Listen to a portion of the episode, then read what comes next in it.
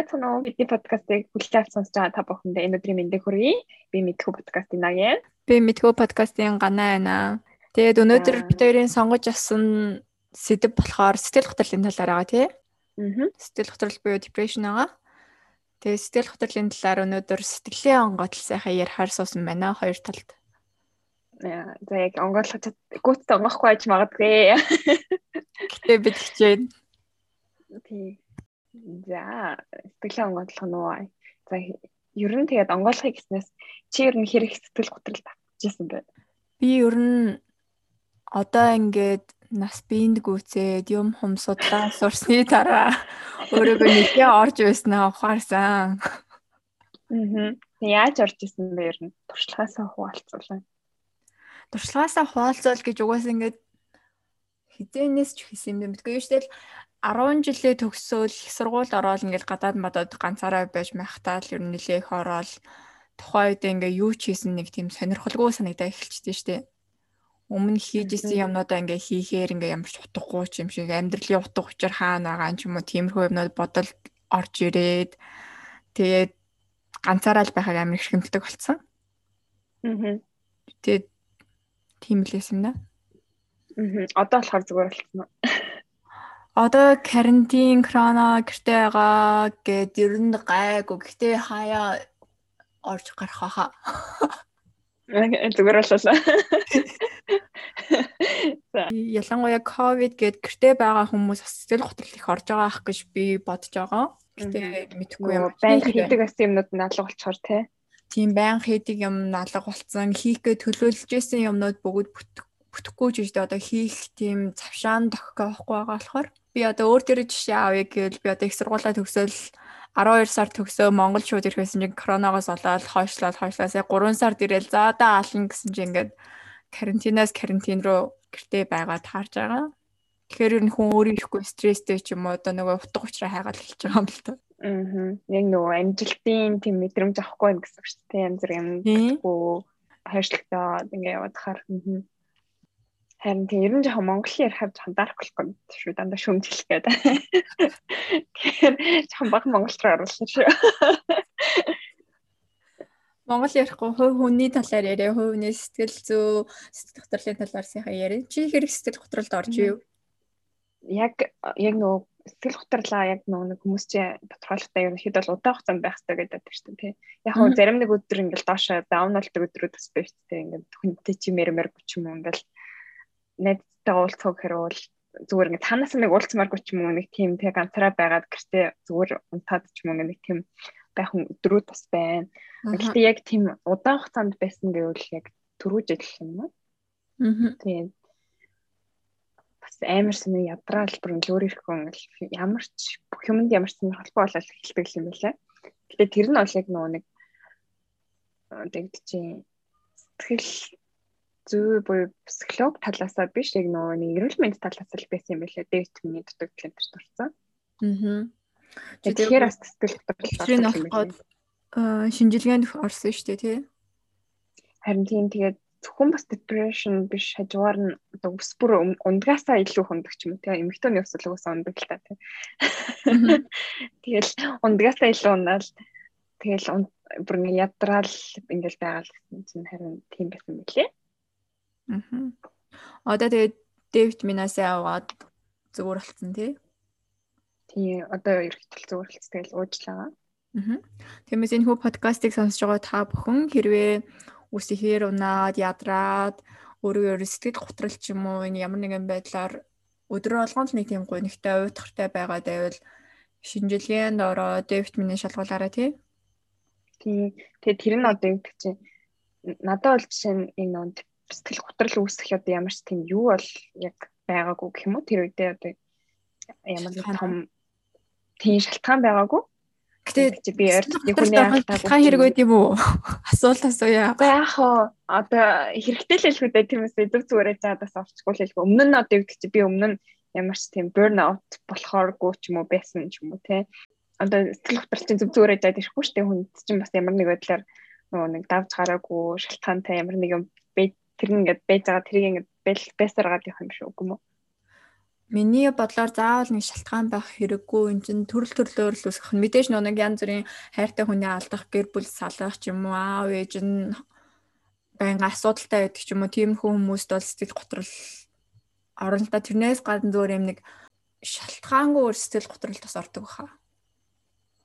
Аа. Гэтэ ерөөхдөө шалтгаангүйгээр ороход ч нь бол яг одоо жоохон генетик тал руугаа орчихоо тий. Тийм нэг удамшиж ирж байна. Тийм Тэгээ тийм хүмүүс ч одоо чинь бага насндаа ч юм уу бас ингээд ингээ орж исэн байх боломжтой шүү дээ.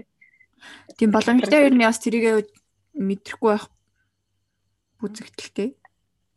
Аа. Гэтэ надад ерөөхдөө яг тэр үед тийм чинь яг ихний удаал бүр тийм амар болж ирсэн байхгүй бүр ингээд илт мэдгэдгөөц биеийн төрөл өөрчлөлт орол тий. Гэтэ тэр үеэр чи юм шалгалтын үе байсан шүү дээ тий. Арай яг болоо байсан шалгалтын үе шалгалтын өмнөөс яг өмнө зүгээр хичээлээ хийх юмсан гэж бодож байгаа мөртлөө амар ядраад аа ингээл би бүр 7 хоногийн 7 хоногт ингээд бүр долууланд баг 12 цаг унтдаг байсан ба тэгсэн мөртлөө ядраад байсан. Сэтгэл гутралыг таних шинж тэмдгийг хойлоо үзэх үү? Ярих уу? За тэгээ та. Тэгээд битэр нөгөө хойлоо хоёр нэг нь Америкт нэг нь Германд ингээд сэтгэл хөдлөлийн талаар анх удаа суралцж байсан ч юм уу те. Бидлэгээ олж авсан. Монголоос биш. Яг би Монголоос авсан байж магадгүй. Гэхдээ тэр үед би яг одоо гэдэг чинь суралцах материал ховор мавар мас нэг амир сураагүй ч магадгүй. Ховор хоёрдугаар бид хэдийг 10 жил байхад бол уус ямар ч юм байхгүй. Чи нөгөө нэг их сургууль байхдаа сурсан байж болно тий. Нөгөө их сургууль дээр чинь эхний семестр нэг тийм нөгөө нэг сэтгэл судлал гээд ордог ихний жилдээ. Тэн дээр би бол яг юу сурснаа бол мэдтгүй. Араа хойлоодгүй байсан байгаа байхгүй ингээр. Яг ингэ нэг тийм лекц ордог. Тэгээ тэрэн дээр нөгөө дөрвөн юм ярьдаг. Тэгэл анзаа загал нарчдаг дөрвөн юм нөгөө нэг нөгөө дөрвөн тийм хэв шинжүүд байдаг шүү дээ. Тэрийг л ярьдаг. За тэгвэл хоёлаа шинж тэмдгээ яриа тийм. Миний олсон нь болохоор нэг Америкийн DSM-4 гээд өвчлөлийг одоо тодорхойлдог тийм гарын авлах шиг юм байдаг гэх юм уу? Тэрнээс би материалаа олсон. Тэгээ энд ер нь ерөнхийдөө 9 шинж шинж тэмдэг байгаа. Гэхдээ нэг хоёр нь болохоор үндснээр орж ирээд нөгөөдөл нь болохоор туслахаар ч юм уу те нэмэлтээр ороод ирж байгаа. Тэгээд миний хэлэх 9 шинж тэмдэг нь хоёр буюу түүнээс дээш 7 хоног үргэлжилсэн. Үндсэн хоёр дээр нэмэгдээ бусад 3 нь хамт нийт 5 юм уу болон түүнээс дээш шинж тэмдэгтэй бол өөрийгөө ерөн сэтгэл готрол байгаа юм байна гэж үзэх юм байна л та. Аа. Тэрний хоёр үндсэн шинж тэмдэг нь болохоор depressed mood буюу ингээд байн гунигтай сэтгэл санаа мөн хэл юм гутранг доош байгаад тэгээ хоёр дахьаар болохоор түрүүн хоёлаа ярьсан шүү дээ. Бүхэл юм ингээд сонирхолгүй санагдал ингээ өмнө одоо сакс тоглоал нэхгүй кафе байдаг гэсэн бол сакс гэхээр л нэг за энийг тоглоо яадгийн гэсэн бодол орж ирэх үндсэн хоёр шинж тэмдэг нь болохоор энэ хоёр байгаа байхгүй юу. Тэгээ гурав дахь дээр нь болохоор хитрхи чи одоо түрүү хэлсэн шүү дээ тий нойр их болох эсвэл нойр багасах шүн ерөөсөө нойр хөрөхгүй эсвэл нөгөө 8 буюу түүнээс дэж цаг ядраад унтмаар л нэгдээд байна. Дөрөвт нь болохоор хитрхи их идэх юм уу, жингээ хасах, хоолны дуршил буурах юм уу ихсэх байх нь шүү дээ. Тэгээд танд нь болохоор ямар ч ирч хүчгүй болох, байнга л ядраад байгаа, нойр үрээ ч юм уу ядраал тиймэрхүү мэдрэмжүүдийг аавна. Зургаад нь болохоор одоо бидний тарих ингээ ямар нэгэн мэдээллийг хүлээж аваад хариу үйлдэл үзүүлдэг шүү дээ би Одоо жишээ нь холоо юмд хүрлээхэд аа гэж гараад татдаг шиг бид нар одоо тархинд мэдээлэл авсан ч гэсэн бидний биеийн хариу үйлдэл маш удаан болох. Одоо магадгүй би халуун юмд хүрлээж гэсэн тэр халуун юмдаа ингээ хүрээстэй чигээрээ 5 секунд туслын дараа гараа эргүүлж татах ч юм уу тийм. Тэр ер нь тарих болон бидний сэтгэн бодох чадвар болон биеийн хариу үйлдэл хоёр ер нь хоорондоо зурж эхэлдэг байна. Далаад нь болохоор өөрийгөө маш буруутгадаг. Тэгээ өөрийгөө үнэлэх чадвармжинд нас ундаг нэг хүн одоо чи үнэхээр жинэн шалаар нэг өндөг заа ингээд чи одоо үнэхээр мундаг охин шүү. Энийг ийм сайн хийнгүүд ингээд өөртөө ингээд шалтак болоод толгоон дотор чи ингээд бодогдоод өө би тийм мундаг шээ. Би одоо энийг ингэж хийсэн тиймээс л юм байгаа юм ч юм уу тий? Одоо хүмүүс өөрийг нь 100%-аар үнэлж яхад өөрийгөө дандаа 10 юм уу түүнээс доош үнэл доошоо үнэлдэг байх нь 8 болохоор ямар нэг юм анхаарал төвлөрч чадахгүй болно. Тэгээд анхаарал төвлөрч чадахгүйгээсээ гадна ямар нэгэн шийдвэр хийж чадахгүй байнгын тэмдэглэлийн эргэлзлийн байдалтай тийм шийдвэр гаргаж чадахгүй. Sorry. Эст нь болохоор нэг хамгийн хүнд шат буюу амиа хорлох талаар амиа одоо өөр өөр өөрийнхөө амьдралыг дуусгах талаар бодож эхэлдэг байх нэ. Аа. Тийм яг төгсгөлийн сонсох юм бол ерөөхдөө бол нэлээд хүнд явцтай хөнгнөөс хүнд рүү шилжих боломжтой тийм. Аа. Гэхдээ энэ заавал дараалалаараа үүсэхгүй. Миний хэлсэн нөгөө үндсэн хоёр шалхаан дээр нэмэгдээд төрөл төрлөөр л ингээ орж ирэх боломжтой гэсэн үг л тийм. Аа. Тийм тэгээд эдгээр шинж тэмдгүүд маань бас нөгөө нэг дор хаяж 14 оноос дээш байх хэвээр тийм. Тийм 27 оноолон түүнээс дээшгээр 14-оос дээш хоног. Тэгээд одоо гэдэг чинь одоо зарим хүмүүс чинь 14 оног байж байгаа 14-ны дараа зүгээр болчихдаг ч юм уу тий. Тийм. Тэгснээ дахиад хэдэн жилийн хэдэн сарын дараа ч юм уу дахиад 14 онд ингэдэг ч юм уу. Тэгхийн бол яг өөрийгөөс жоохон depression буюу сэтгэл готролтой байх боломжтой шүү гэж хэлмээр байна. Яагаад тэгэхээр одоо сэтгэл готрол маань ингээ банк байгаад байдаг өвчин бас биш. Одоо үештэй ингээд дээшлэл доошлж гардаг тийм. Зэрдэг учраас. Тиймдээд Том Барнт хэлчихгүй би энийг ярьсных. Аа миний нөгөө үдсэн хичээлээр болохоор ер нь хүн Америк дахь хүн амынх нь 75 насны хүртэлх хүн амынх нь 23% нь буюу бараг 4-ний 1 4-өөс 5-ний 1 тутамд нь сэтгэл готрол орсон байдаг гинэ. Аа. Тэгэхээр ер нь хүн ямар ч үедээ ер нь сэтгэл готролд орох боломжтой. Хүүсийн зөрүү нь хоёрыг харьцах нэг буюу эмэгтэй нь 2, эрэгтэй нь 1 гэсэн харьцаагаар ер нь сэтгэл готролд ордог. Гэхдээ хүүхэд наснд юм уу хөвшин хүмүүс болохоор нэгийг харьцах нэг байдаг гинэ. Тэгэхээр нөгөө гормоны өөрчлөлтийн дээр бас амар холбоотой болоод ирж байгаа юм л та. Тэгээд энэ нь болохоор чиний сая хэлсэн шиг нөгөө дээшээ доош олдог гэсэн шүү дээ. Энэ одоо жишээ нь 2-7 хоног ийм сэтгэл готролтой байж байгаа л нэг ч юм уу 2 сар зүгээр агаал буцаад сэтгэл готролд ороод тэр нөгөө дахин давтагдах боломж нь 80% байдаг гинэ. Ер нь сэтгэл готролд нэг удаа орсон үний. Аа. Тэгэхээр ер нь дахиж сэтгэл готролд орлоо гэж бодоход энийг хүн дээр хүлээгээд авах нэг шаардлагагүй. Тэгээ яаж сэтгэл хөдлөлөөс гарах аргаа олоод амьдралынхаа хэв шинжэд тааруулаад явах нь зүгээр юм бол хөвшил болгоод гэх юм уу? Тийм. Гэтэ бас нэг эдгээр маань миний бодлоос одоо гэдэг чи бүгдээ таван тутмын нэг нь бас ерөөсөө хизээч бас яг сэтгэл зүйч сэтгэл дээр нэг очтдоггүй байх гэж би бас бодож байна. Тийм Монгол ялангуяа угаасаа тоодгүй шүү дээ. Тийм Германд бол бас адилхан нөгөө 5 тутмын нэг нь ерөөхдөө бол амьдралынхаа яг бас нөгөө сэтгэл хөдлөл орж исэн байт юм байлаа. Тэгээд бас яг ингээ үзэхээр Германд тэгээд хүмүүс нь очтын мөхөр очих юм ирсэн та. Одоо сэтгэл зүйчдэр. Тэгээд сэтгэл зүйчийн тоон аягүй байгаа юм байна. Тэгээд тэрнээсээ болоод очиж чаддгүй. Сэтгэл зүйч юм уу сэтгэл засалчны хүрэлцээгүй байдаг байх нь шүү дээ тий. Тийм. Тэгээд тэрнээсээ шалтгаалаад одоо гэдэг чинь одоо үнэхээр бүр ингээд suicide буюу одоо амиа хорлох бодол автаад бүр ингээд тэр нэр санаанаас нь гарах байгаа хүмүүст бол энд бол яг шууд одоо юу гэдэг ч антидепрессива өгдөг ч юм уу тийм. Тийм сэтгэл готрлын эсрэг эмээ өгдөг байхан тийм. Тийм. Тэгээд гэтээ тэрийг бас зүгээр жирийн юмч бас бичиж өгөхгүй. Тиймэрхүү эмээг бас одоо нөгөө нэг тийм яалттай одоо амбулантаар авдаг одоо гэдэг чинь өдрийн имчилгээгээр очиж авдаг. Тийм тийм хүмүүс нь бичиж өгдөг юм байлаа. Тэгээд герман болохоор сэтгэл зүйч юм сэтгэл судлаач дээр очлоо гэхэд төлбөрөө вэ? Өөрөөсөө хувь хүн гарах уу? Ерөнхийдөө бол эрүүл мэндийн даатгалтай штэ бид нар чинь энэ хуулиараа бүгдээр даатгагдсан байх хэвээр. Одоо хуулиас заасан эрүүл мэндийн даатгал уу аль эсвэл өөрөө илүү их мөнгө төлдөг юм арай бага мөнгө төлдөг тийм хувийн хвшлэл дээр ч юм уу тийм.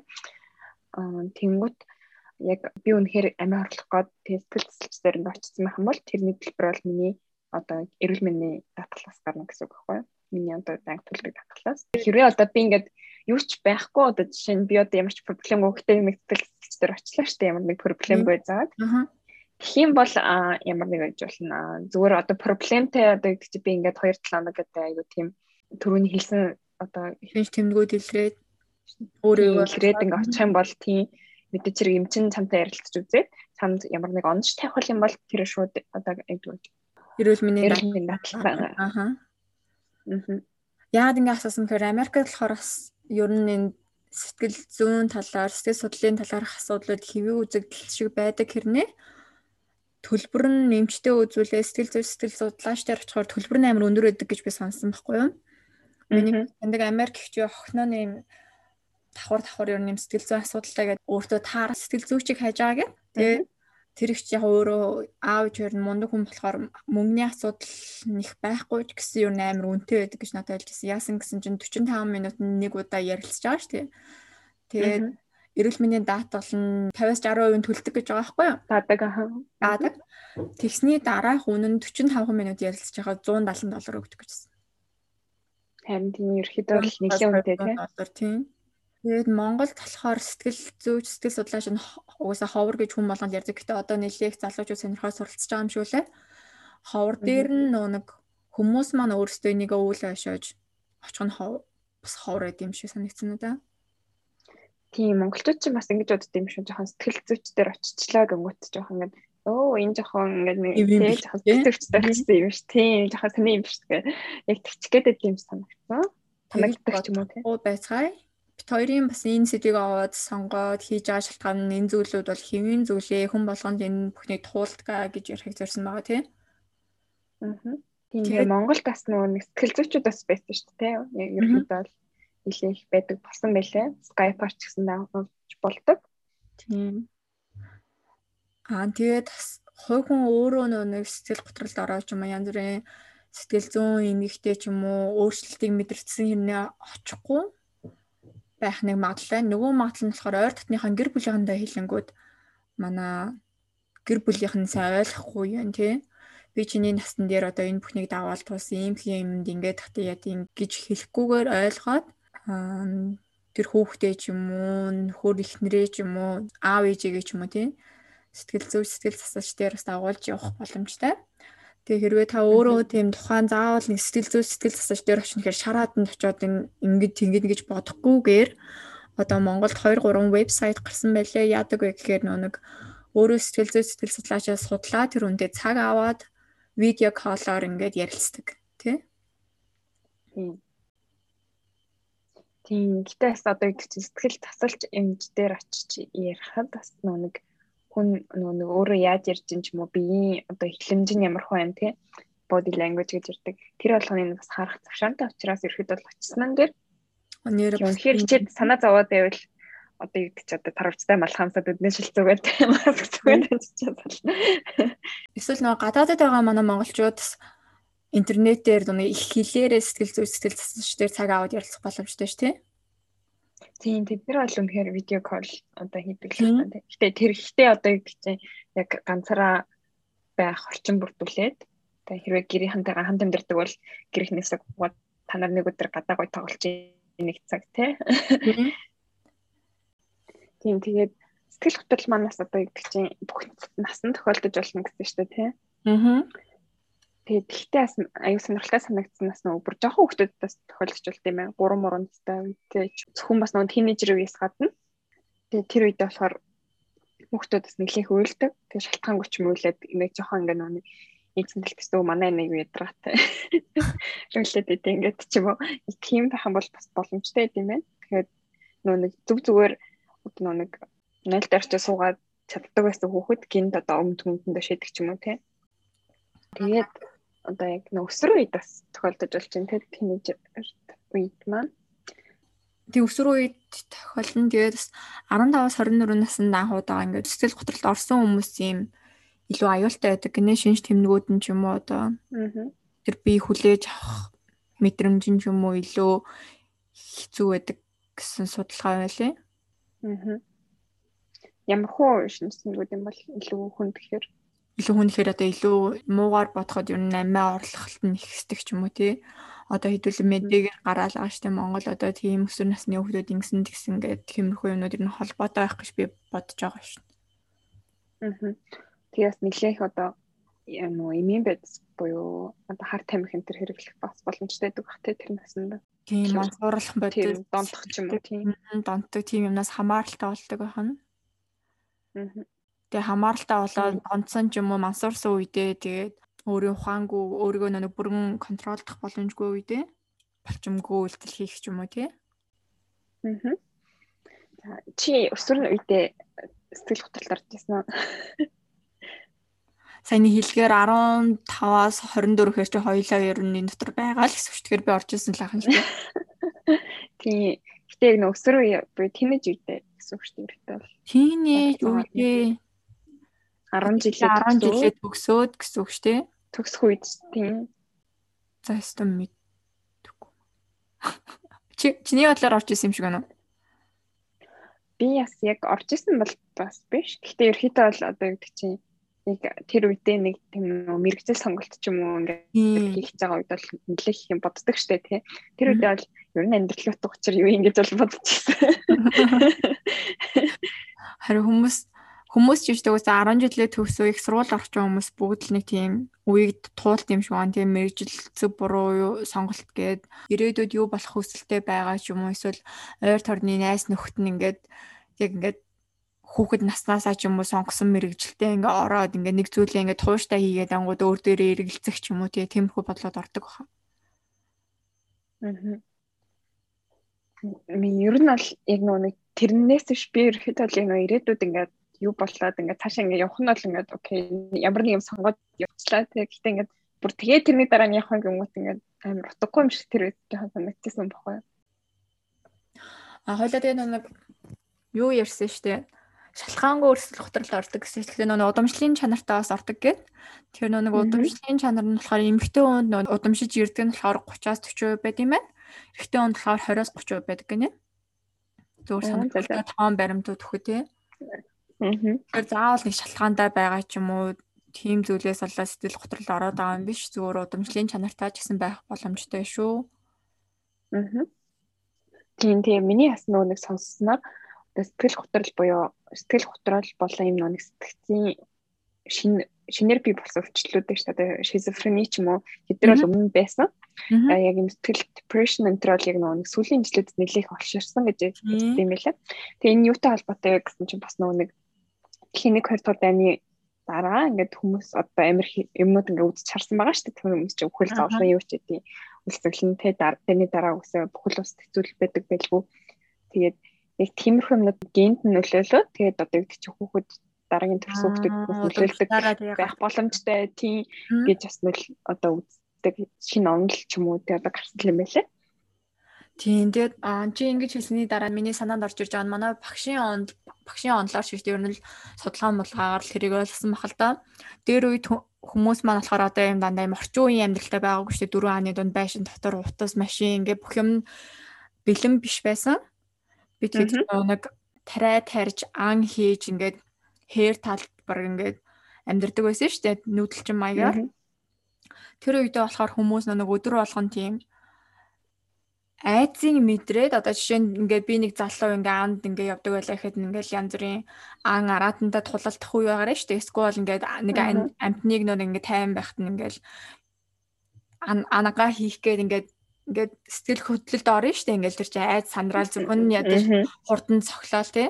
Тэр бүхнийг давсны дараа одоо ангаа амжилтаа хийгээ ч юм уу ямар нэгэн араатнаас амжилтаа э, зогссны дараа биднэрт ингээ маш их тайвшрлыг биелүүлж байгаа шүү дээ. Нэг зүрхчин бараг 140-оос дээш цохилж исэн бол ингээ багсаал багсаал ч юм уу тий. Тэгснээр бас стресс ингээ гутралын эсрэг ингээ ямар нэгэн хаалтуудыг тавьдаг байсан байх нь л тий.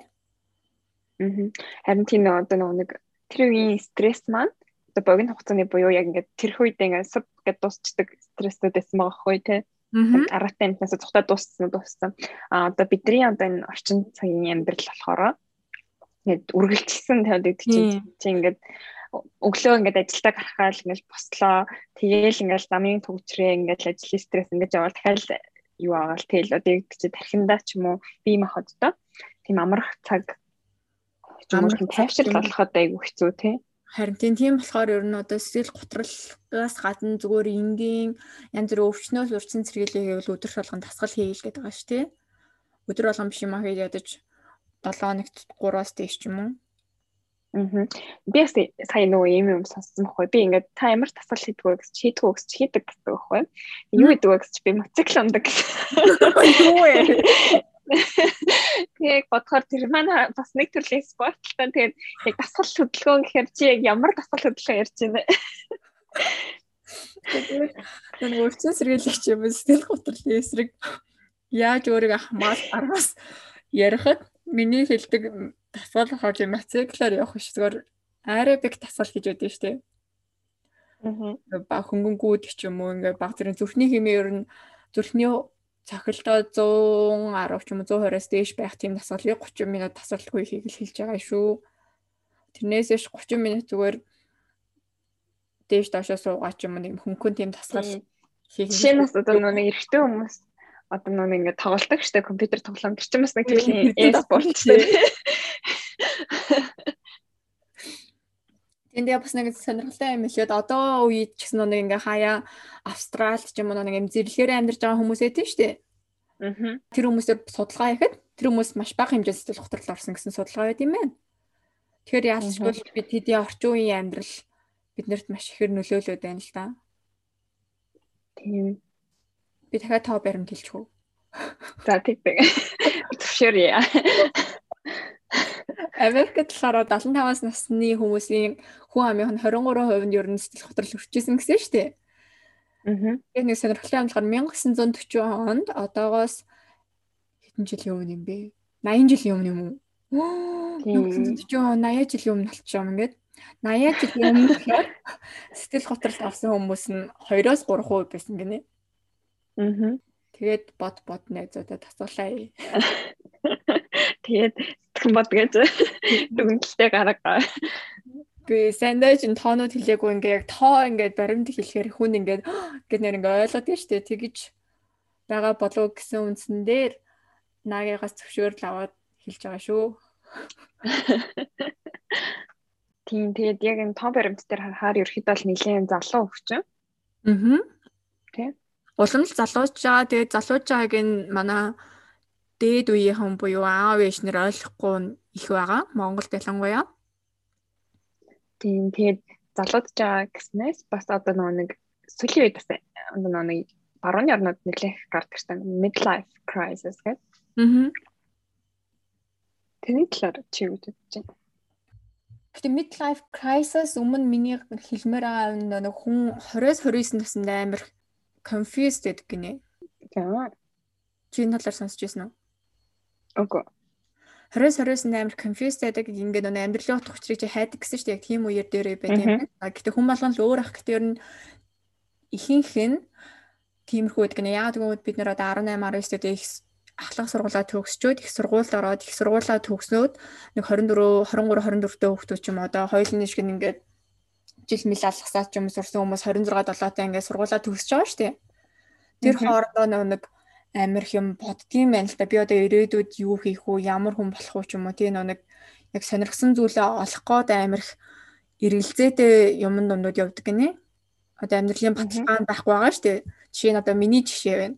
Би ингээд дуртай мэржлэрээ төгсөөд ирээд ингээд хүссэн юм а хий гэж бодонгууд яг ингээд хөрсөн дээрээ бууна гэдэг шиг Монгол ирэнгүүд ялангуяа одоо ингээд корона нөлөөлөөд Ингээ яг хүссэн юм ерөөсөө хийж чадахгүй ангууд ингээ бүр амар дахиж буцаагаад бодд юм байна. Би өөр нэм юм сураад ийм хэрэг байсан юм уу ч юм уу ийм юм сураад энийг ойлгож авсан миний бодол ер нь зөв байсан юм ч юм уу ингээ өөртөө өөртөө амар тэмцэлдэж эхэлж байгаа байхгүй юу?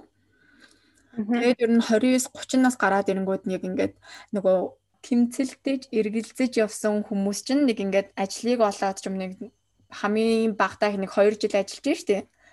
Тэнгүүч ингээд яг аа ингээ хүссэн юм ойлгоод ч юм уу яг байгаа хүссэн байр суурин дээрээ ирээд ирэнгүүд 30-аас дээш насныхаа арай тийм доктортой ч юм уу нэг тийм өөрийнхөө хүссэн зүйлээр багчсан атгаад авсан юм шиг мэдрэмж төрөөд гайгүй болдог юм болов гэж би ойлгосон шүү. Аа. Миний одоо midlife crisis гэж ойлгохоор тэр нь ерөөхдөө бол одоо нэг 30-аас заримдаа 30 ч юм уу эсвэл одоо хөвчлэн 40-оос 50 насныхан тохиолдсон юм байна л та. За энэ үедээ яадаг вэ гэсэн чи хүн ингээд одоо ингээд одоо бидний насн дээр тийм хүмүүс ингээ амар их төсөлцсөн байна. За одоо би нэг иймэрхүү иймэрхүүтэй ингээ болцсон. Ажил дээр ийм ийм юмтай, гэр бүлдээ ийм ийм амжилттай байна гэд бодсон байсан чинь тэр насн дээр ирсэн чинь ерөөсөө одоо их чи тэдний хан хэдхэн хувь нь биелсэн зүйлтэй хүрсэн. Аа. Тийм хүрсэн нь айгүй цөөхөн ч юм уу, тий айгүй өөр өөр явцсан ч юм уу. Яг тэрнээсээ болоод ч юм уу. Тэрэндээ ингээд айгүй тийм сэтгэл хангалуун биш. Аа Тэгээд яг л тийм өөр одоо амьдралтаа сэтгэл хангалуун биш болоо явцдаг юм байна л тэр хүмүүс нь. Тэгээд одоо их чинь тийм insecure гэхээр юу гэх юм. Нэг тийм найдвартай гэж биш. Ингээл тийм одоо тэгж өөртөө ингээд тэгж авч хүрхээ болчтой. Тэгээд бас яг энэ үедээ бас нэг зарим хүмүүс манаас нэг хөшөрхөөсөө илүү хайдаг юм л дээ. Тэгээд тэрнээс болоод ийм crisis ордог юм нэ. Аа тэгээд гэтэр хүн ер нь ингээл хөсөн зүйл авахаараас явсараа сэтгэл готролд ороод ингээл байнгын up and down дээр сургалт тус юм шүү одоо бодсон чинь. Тийм ихтэй миний хэлэх гээд байгаа юм одоо юу гэдэг чинь миний бодлоор л шүү хүн миний одоо үс өхөн үнэ гэдэг шиг те. Одоо ерөөдөө бидний төгсгөл яг ингэ тодорхой байдаг шүү. Бүгд нэг зогсоолтой юм. Тийм бүгд нэг зогсоолтой байгаа учраас нэг тийм гэтээ тийм байгаа одоо зарим хүмүүс чинь нэг би тийм учраас одоо ийм юм юмнууд ингэ заавал хийн ч юм уу ингээд хийцэн байгаа штэ. Аа. Тэгээ тэрний хажуугаар бас тэр нь ерөөхдөө зөв амьдралын зорилготой ч юм уу байх хэвээр нь л гоё. А гэтээ одоо зарим нэг чиний өөрчилж чадахгүй байгаа зүйлийг зүгээр яг нөгөө байгаар нь хүлээн зөвшөөрөөд тийм let it go гэдэг шүү тий. Тийм. Яг тэгж хүлээн зөвшөөрөх миний бодлоор нэлээ хэцүү байдаг байж магадгүй. Аа. Тийм байна. Тэгээд midlife crisis ордог гэж юу? Хүлээн зөвшөөртлөө. Ер нь хүлээн зөвшөөрөх үеийнх нь өөрөө өөрийгөө өөрөө өөртөө төрсөлдөж байгаа тэр үйл явцыг л хэлээд байгаа юм шүү тий. Аа. Тийм тэгээд ерөөхдөө бол бас нэг бичээ midlife crisis нь бас нөгөө нэг цэвэрлэлтийн үе шат дээр бас гарч ирдэг юм л дээ. Тийм тэр чинь тэгэхээр 45-аас дээш настай болж байгаа шүү дээ. Тийм яг л одоо нөгөө нэг дунд иргэм наснаас одоо хөкшөө өрөө шилжих үед дээр л ингэ гарч ирээд юм гэсэн үг шүү дээ. Тийм тэр үр чинь нэг цэвэршилт явагдана давхар нөгөө нэг гинл одоо нөгөө манай аав ишнэр л ярьдаг шүү дээ амьдрал одоо нүд ирэмхийн зуурл одоо ингээд 40 эдтэй ч юм уу 50 таа болсон сууж ийн гэдэг шиг гинтл амьдралыг нөгөө нэг завгүй бидний төлөө ч юм уу амьдралынхаа төлөө явсаар байгаа л гинт эргээд харцгаадаг байх нь шүү дээ тий. Аа ерөөдөл тэгж урчсан юм байна. Ерөөдөл тийм байх уу? Тэрийг соёлоо хэдэн чинь дараа л гэдэг. Тэрнээс өмнө тэгээ мэдрээд байвал яах вэ? Тэрнээс өмнө мэдэрч ивэл чи яриа өөр юм мэдэрч юм гэсэн үг. Миний бодлоор чиний хас жоохон юутай гэж магадгүй энэ төлөө. Одоо ингээд корона гараад итгэх завтай гэртээ. Бодож бодохгүй юм ирээ бодоод. Харин тийм ээ. Хоёлын ер нь дараагийнх дээр коронавигоос болоод сэтгэл готролч юм ингээд байгаа юмнуудад ярина, сэрвэрлтийн үеийн сэтгэл санааг ус ярина. Одоо ингээд холих гэхээр арай л ихтэх гэдэг юм тий. Аа. Тэгээс дээрэс нэмээд хэрвээ зочин олдвол Монголд ажиллаж байсан. Тий. Эсвэл ажиллах юм уу? Тийм туршлагатай хүнтэй бас ажлын стрессийн талаар ярь. Тийм тэгээд мэдчихгэн сэдв хүндэж хэлэхэд бас нэг Дэвтмин гэж ярьсан шүү дээ. Тэгэхээр дэвтмин ерхэд бол хүн болгон шалгуулж авах хэрэгтэй. Эдгээр Монголд нараа их гардаг ч гэсэндээ нөө өвлийн өвлөрлөл нь их болохоор хүмүүс нөө хүтэнд илүү их хайрсаа гаргахгүй шүү дээ. Тийм болохоор дэвтмин өөрөө нийлэгжүүлдэг чинь яг тэрэн дээр хэрэгтэй байгаа тэр нөө хитяган туяага хитяган туяа ч юм уу улаан туяага авч чаддгүй нарны гэрлээ. Тэр нарны гэрлээ л ярьж. Тий. А тэгээд гадна нэг сэтгэл готролч үе шатай үе шатай гэж нэг арж ороод идэг гэсэн шүү дээ. Тэрнээс гадна юу өвлийн сэтгэл готрол гэж үүдэг тий. Зөвхөн үйлрэлтэй. Тий. Тий. Тэр нь бас яг тэр нөгөө Дэвид минаас ч юм уу шилтгаасан. Аа тий бас нөгөө нэг шилтгаасан. Тий. Тийм би бас нөгөө Германд ирээд яг амьдэрсэн чинь хүнд нарны гэрэл ямар амар чухал ирэхэд бол мэдэрч байгаа байхгүй юу? Аха. Монголд чи ингээл өвлж зунгуу ерөөхдөө дандаа баг нартай дүүсэн шүү дээ. Боролт өдр харангуйч баярлдаг ч юм уу тийм. Тэ. Тэгсэн чинь энэ дэрсэн чинь ингээ нартай өдр харангуйч бүр яг ингээ анх би яг ирчээд эхнээс дараа хүн юу сүртэй нар үзэг юм шиг тунтай ингээ боддог гэсэн. Бүгдээ гадаагаар сууцдаг. Тэгэл тэгэж боддог байсан чи яг яг өөрөө нөгөө жил 2 жилийн дараа сахлыг мэдэр замж нарны гэрэл айгу бат. Аа. Бичээд өвлөө бол бараг ерөөхдөө л хардггүй. Тэгэхээр бол яг өвөл эхлэхэд яг эхний нэг 2 3 7 нэг эрэхтэл нилээн дарк явдаг. Юм санагддаг. Бас. Тийм би бас өмнө ингээд нэг winter depression буюу нүглийн сэтгэл гутралын талаар сонсч ирсэн юм. Нэх ойлгодгүй байсан байхгүй юу? Яагаад ч ойлгохдгүйсэн одоо өөрөө сэтгэл готрол интерт ордог байсан юм bijж тэгсэн чинь энэ өвөл би Америкт нэг гацсан шүү дээ. Монголдо ирч чадахгүй. Тэндээ ингээд байгаад байсан чинь манай хот бол Монголтой ойролцоо бол амар нартай. Хот байдаг байхгүй юу?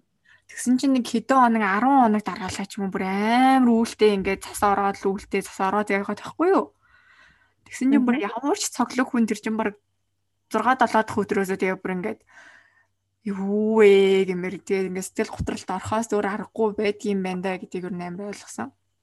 Хүн ер нь яг шууд стresслэд орохгүй ч гэсэндээ бас одоо юу гэдэг чинь зүгээр ингэ нэг хүний mood гэж ярьдаг шүү дээ. Тийм mood ингээд амар амар нөлөөлдөг тийм ингээл тэр чинь манай гэрэлхүү. Сэд готрлын шинж тэмдгээр үнд гол нэг шинж тэмдгийнх нь нэг нь depressed mood буюу ингээд готрон болсон зан чанар. Нэг тийм dark л байгаа юм гэсэн чинь dark л байгаа юм байна. Тэгээд ингээд хэдэн хоног тасалдалгүй үүлдээ бороо ч юм уу цас ороод байгаа юм ингээд яалтчгүй л ингээд доошлоод ирт юм шиг санагдсан хүний сэтгэл санаа. Гэхдээ яг хиндээ доошлдог юм байлаа. Гэтэ би за тэрнээ тасчдаг юм байлаа миний бодлоор бол. Би бол тасдаг. Нэг толомч минэлсэр яг хний 10 ч юм 10 10 20 оног ирэхэд бол жоохон эвгүй байдیں۔ Ингээд өө жоохон найр хүрээлтэй ингээд ингээд цаанаасаа л ингээд саарл бүүдгэ харагдал. Тийм гэтээ ирэхэд бол сурно тэрэнд бол тасчдаг. Би яг тэгэж чиний тэр ихний 10 хоног дээр явж байгаа л азар манай хотод нар гараа тэгээд хамтдаа ишилсэн байт юм аа нартайгаа. Тэгээд яг нар хаар угсаа нөө нараа яг юу аж хэлсэн юм чинь. Гэвтий. Enjoy хийж. Харин тийм. Би гэхдээ өөрөө мигрэнтэй гэхэд хурц наранд ч юм уу тийм дургуулдаг гэхдээ ер нь наргуу 10 үед хончгоор хэцүүдгэл юм биш. Ер нь гоё болох юм бэлээ харин. Харин тийм. Ерөөс нарны э, гэрэл ямар чухлыг тэгээд яг наргуу газар ирдэж л мэдэрдэг юм шиг үлээ шүү. Аа. За тэгвэл чухлыг үлрэх гэдэг. Нарны чухлыг ярьсан дээр одоо хэрхэн сэтгэл готрлоос өөрийгөө сэргийлэх юм уу сэтгэл готролд орсон бол заагаад өөрийгөө аврах талаар ярих байлаа. Аа. Ерөөхдөө бол хэрвээ туссан байх юм бол мэдээж сэтгэл засалж эсвэл сэтгэл зүйж тэгээд антидепрессива план шүү дээ. Тийм. Сэтгэл туссан би ихтэй тус ирнэ үзүүлээгүй л яг уу. Үгүй яг хожных нөө одоо чи нөө ямар нэг шалтгаантай байсан бол хэрвээ шалтгаан чинь байхгүй болсон бол чи нэг заавал орох хэрэгтэй биш шүү дээ тий. Тэр шиг ч юм уу. Тийм За зүгээр хойлоо энгийн амьдрал яаж юунаас уршин сэргийлэх юм уу хөнгөн зэрэг туссан ч юм яг тэгээ орох гээд байгаа гэж холно шүү дээ. 2 7 хоног болоо түүнээс дээш удаан үргэлжлсэн бол гэсэн шүү дээ. Гэхдээ ингээд нэг 7 хоног болгож ч юм уу тэрийг өөрөө мэдрээд ойлгосон хүмүүс нь ямар арга хэмжээ авах вэ гэж ярих уу тий. Аа. Тийм тийм. Түрүүн бол чи асуулсан спорт буюу тасал хөдөлгөөн их тий. Тэгээ тэр нь e-спорт биш тийм ямар нэг машин уралдаан мотоциклны спорт биш шүү. Яг хөлсөө гаргаж тий. Зүрхний ха зөвхөлтөг дэвшлүүлэх болоод юм байна. Тий. Тэр омега 3-ыг уух. Тийм, ерөөхдөө бол эрүүл одоо гэдэг чинь витаминлэг хоол хүнс хэрэглэхтэй аль ч төрлийн витамин. Тий, витаминлэг хоол хүнс хэрэглэх жимс ногоо ихээр хэрэглэхтэй. Тэгээ омега 3-да 1000-аас 2000 мг-тай EPA юм уу DHA ягуулсан омега 3-ыг хэрэглэх гэж бичсэн байлээ. Аа. Ялгаа нь EPA IPA ч л нэг хоёр төрлөөд юм аа. Манай багшийн зөвлөөл би одоо энэ уншаад байгаа шүү дээ. Тэгээ IPA-ийн ч л нэг өөр төрлийнх нь болохоор ингээд дотроос өөр агуулмжтай байдаг гэсэн. Тэгсэн нөлөөлөх юм уу эсвэл эсэргээр нөлөөлөх юм уу нэг тиймэрхүү юм ярьжсэн гэтээ би яг сайн санахгүй байна. Тэгээд дараагийнх нь мэдээж хоёлаа сая ярьсан нарны гэрэлтэй эсвэл витамин D. Тэгээ үнэхээр нарны гэрлийн байхгүй витамин D-ийн гүн дутагдалд орсон ч юм уу байвал гадаадд байгаа монголчууд Amazon дээр тийм гэрэл яд юм байл шүү. Чи тэрний талаар сонсч байсан уу? Тийм нөө энд асдаг юм нөө фитнесийн одоо фитнес зин газрууд гэх юм уу тийм тийм. Сул хөдөлгөөн хийдэг байр наа гэж тасаа шүү. Фитнес фитнес тийм фитнесийн байрны дотор нь одоо тийм нэг одоо ультравиолет гэж ярьдаг тийм. Яг тэр гэрэл нь байж байгаа хгүй тэндээ ороод твтэж болдог ч юм уу. Яг нөө нар гардгүй үедээ ч юм уу тийм. Им тайн хийгээд байдаг ижлэн юм уу? арай өөр зүгээр яг тийм нарны гэрэл шиг одоо тийм сэтгэл төрүүлнэ гэсэн үг байхгүй би тийм Америкт болохоор яг тийм фитнестэд нь юм тайн хийгээд идэг тийм хөвтдөг юмнууд байгаад идэм байлээ. Яг нь тайн хийдэг нь бас байдаг юм шиг л. Гэтэ тэр нь болохоор яг зөвхөн нэг нарны гэрэл шиг одоо туяатай. Аа. Нарны гэрэл гарч байгаа юм шиг. нэг тэрэгээрээ тэгэж асуудаг юм лээ. Аа. Тэгээс тэрнээс нэг битгий тэр нь хамгийн их Монголд бол нэр туламж наранд гараад гоё гадаа алхахад бол болно шүү дээ тий. Уул руу ч юм уу тэр агаар гарангаа. Тийм тэгээ нэмэн чилгээд ер нь витамин D-г хизээ уух хэрэгтэй гэхээр өглөө босоод ер нь уух хэрэгтэй шүү тий. Яагаад гэвэл өглөө уусны дараа нэг бие маань тэр витамин D-г нийлэг жилтэнд оруулаад тэгээ орой унтахын алдад яг тэр маань их хэрэгтэй болооч мелатонин ялгаруулад унтахад чинь тусалдаг байгаа. Яагаад ингэж хэлсэн бэ гэсэн чинь манай аа орой уугаад илээ витамин D чи энэ дээр нэг юм хэлтий. Яна би ерөөсөө хэл удаа шүү дээ. Би болохоор ингэж яг яасан байхгүй. Витамин D нөгөө нэг уухтаа одоо таслагддаг шүү дээ. Тэр чинь нэг юм үрэлтэй дотроо юм тастай. Тэгээ тэрийг уухтаа нөгөө хажуудаа нэг ямар нэг хоолны ч юм уу нэг тэ одоо юу гэдэг чинь нэг ширэг бичэн ч юм уу тэрнтэй хамт ингэ идэх юм бол нэг хүн хоол идэж байгаа тэр чинь витамин D чинь туслаг юм чинь бас нөгөө шимэгдэх нь илүү сайн байдаг гэдэг. Аха. Тийм тэгээд аавыгаа орой уухыг хараад зур Google-с харсан юм л тэгсэн чинь өглөө ер нь уух хэрэгтэй. Өглөөний цайны дараа ч юм уу тэгээ чиний хэлсэн шиг нэг уух идэх юмтаа холлоод ч юм уу идэх юмаа идснийхэн дараа араас ер нь уусан дээрээ тэрнээ тэгэхээр яадаг гэхээр нэг хүний бие чинь нийлэгжилт явуулах хэрэгтэй. Нийлэгжилтийг шууд уугаач юм 10 20 минутын дотор бие маань шууд нийлэгжээ шууд ингээд ичээдээ үзүүлээд ахгүй тэрэнд тодорхой хэмжээний ажиллах тэгээ нэг процесс явуулах цаг хугацаа хэрэгтэй. Тэгээ өглөө мө өдөр уусны дараа орой яг унтахад ч мелатонин бас ялгаруулахад тусалдаг гэсэн. Тэгснээр нэг бидний биеийн цаг буюу одоо өглөө болж шүү гэдэг тохиог одоо витамин D-гээр өгөөч юм уу тий орой олонгууд яг нөгөө витамин D-гээ нийлэгжүүлж дуусаад мелатонин ялгаруулж өгдөг байна. Тийм тэгээд бас нөгөө витамин D-гээ өөрийнхөө витамин D-гийн нэг цусндах хэмжээг мэдгүйгээр бас битгий их яваарай. Тэр витамин D маань ихтэх юм бол бас нөгөө таталт ч юм уу боломжтой. Гэтэ ер нь одоо бүх хүмүүс дутагдлалд орцсон. Гэтэ бас заавал шалгуулаарай. Гэтэл ялангуяа зүрх судасны өвчтэй хүмүүс бол заавал шалгуулж иж угаарай гэж хэлмээр байна. Аа. Тийм. Тийм. Тэгээд бас хамгийн чухал одоо нөө сэтгэл хөдлөлөөс хамгаалдаг зүйл маань бид чирэг найр штэ тий. Тийм. Найр маань ирэхэд та тахыг ус хэлэхгүй штэ тий. Тийм яг нөгөө нэг гоё deep sleep байл их шүү дээ. Тийм тайван гүн нойроо ахын чухал. 8 цаг дотроо бичээд одоо гэдэг чинь хаа сайг унтаад ахгүй одоо гэдэг чинь хүссэн цагт унтаад ахгүйгээр энэ тогтсон цагт унтаж явсан шүү. Хэв шиг юм байна. Тий 10 цаг ч юм 11 цаг гэж унтаа өглөө 6 7 ч юм ингээ босдог тий. Аа. Тэгээд нэг сонирхолтой юм хэлэхэд би өчтөр нэг яаж альцгеймераас сэргийлэх вэ гэсэн нэг тийм нөө TED подкаст сонссон байхгүй. Аа дээр ингээд мэдээч хэрэг ингээ баг холестеринтэй хоол идэх те дагалтаа бага байлгах ч юм уу тиймэрхүү юм гарч байгаа хэрнээ нэмээд бас нөгөө нэг нойроо авах хэрэгтэй юм байна. Ингээд нөгөө deep sleep хийж явах үед тарих ингээд өөргөө цэвэршүүлдэг юм л те. Тэнд хуралдсан тэр нөгөө нэг amyloid B гэдэг одоо юмнуудаа ингээд бүр одоо олон дахин ингээд цуглархаас нь тэрглээ тэрийг ингээд цааш нь боловсруулад хаяглын хаяад ингээд явж идэг гэнэлтэй. Тэгээ хүн ингээд тэр нэг тэр deep sleep-ээ хийж чадахгүй болонгууд тэр нь тэнд цугласаар агаад одоо гэдэг чинь эрт хэдэн нэгэн цагт юм мартах ч юм уу өвчтэй болох боломжтой гэнэ. Аа. Тийм тэгээ бид нар өөрсдийнхөө тархийг бас юу вэ цэвэрлшүүлж тэр нь өөртөө амрааж ингээд нэг тийм 2 3 талын тийм одоо ходоод байхны хоол эзний дараа нэг шингээдэг гэх шиг бидний тарих өдөржингөө ажилласныхан дараа хүн тарих өөрийгөө цэвэрлэх ганцхан цаг нь ундах явцад олдож байгаа гэсэн үг шүү дээ. Тийм яа тэгэхээр бид тэр сэрүү үедээ дандаа ямар нэг юм бодож байгаа шүү дээ тийм. Яг уу яг ингээд хүсэж бодож байгаа нэг өөр бас одоо чи одоо хоол идэндээ ч юм уу гэж бодож байгаа чинь одоо юм их ингээд танаас ингээд бодогдоод байгаа юм бол биш. Ямар ч юм. Трейдэн тарихаас ажиллаж байгаа гэсэн. Тийм тэгэхээр ер нь сэрэнгүй авах явцад тарих дандаа л ажиллаж байгаа гэсэн үг шүү дээ. Тэгэхээр нойр үнэхээр их чухал яах нэ. Тэгээд дараагийн чухал зүйл нь болохоор нийгэмтэйгээ харьцах. Найз нөхөд гэр бүлийнхэнтэйгээ одоо ямар нэгэн үйл ажиллагаа ч юм уу хийх те. Тийм цагаа өнгөрүүлэх. Цагаа өнгөрүүлэх. Тэгснээрээ яадаг гэхээр хүн ер нь ингээ ганцаараа өрөөнд байгаад байвал ялангуяа нэг сэтгэл готролтой хүн ганцаараа явах дуртай болчтой гэж хоёлаа ярьсан шүү дээ. Аа. Ер нь юмны ингээл муу талыг л хараад идэм байх л да.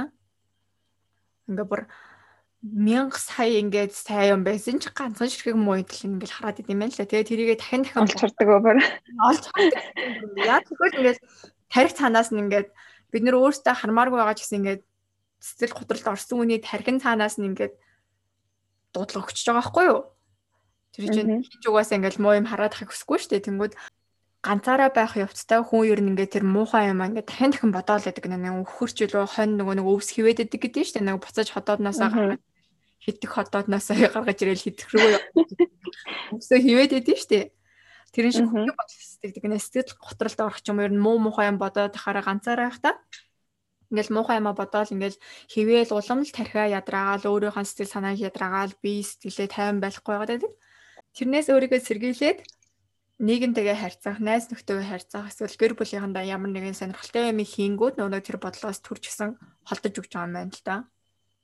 Тийм ерөөхдөө л бас нөгөө нэг одоо бусад хүмүүстэй хамт цагаа өнгөрөөж явснаар нэг гэж чинь тэдэртэйгээ хамт спорт хийх ч юм уу тий. Хамт гүйдэх ч юм уу. Тэгснэр бас бодлоо солилцоод нөө хүнтэй ярилцах маань ерөөхдөө л нэлээд тусалдаг шүү дээ тий. Тийм Тэгээд найз ч одоо сэтгэл готролд орсон ч юм уу тиймхүү шинж тэмдэг ч юм илрээд ганцаараа цагийг хөнгөрөөгөө байвал тэр хүнд одоо би чинь хажууд байгаа ч юм уу тийм тохиол өгч хашийн. Тиймэрхүү ахаа төрүүлэх хэрэгтэй тийм үү? Анхаарал тавиарай. Гэтэ ингээд заавал ингээд хүүе чи зүгээр өө сэтгэл готролд орсон гэсэн ч юм уу тий. Хүүе ойр чи чи яагаад таг болчих юм нэг тийм бишээр зөөл нөөр, хөнгө нөөр, юу гэж миний найз ч юм уу одоо хамт гарч алхах уу ч юм уу нэг тиймэрхүү байдлаар анхаарал тавьсан илүү гоё байдгийг шүү. Надад бол яг тийм нэг хүн шууд асуусан аюу зүгээр санагдах хөө. Тийм болохоор нөгөө найз нь найз чи юу хийж байгааг чи юу мэддэг бол асуусан дээр хаа тий. Чамд болохоор шууд асууц асуусан намар байдаг аа.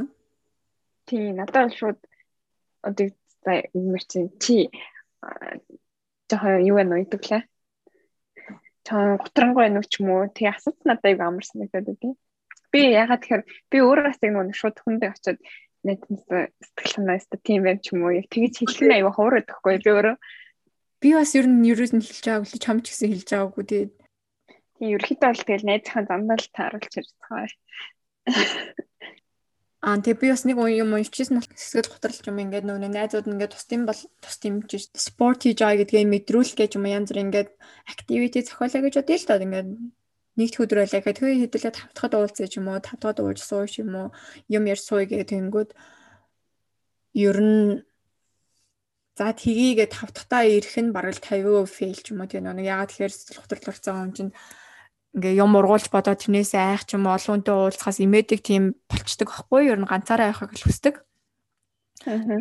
орнод тав дахьынхаа өдөр нь ч юм уу ажил тарах цаг нь ч юм уу ажиллаж байгаа даа хэдүүлээ ингээ сууя гэдэг ингүүд тэрхүүнд бодох боломжгүйгээр шууд нөгөө нэг ганцаараа байх цагаас нь татаж гаргаж ирдэг юм байлээ шүү.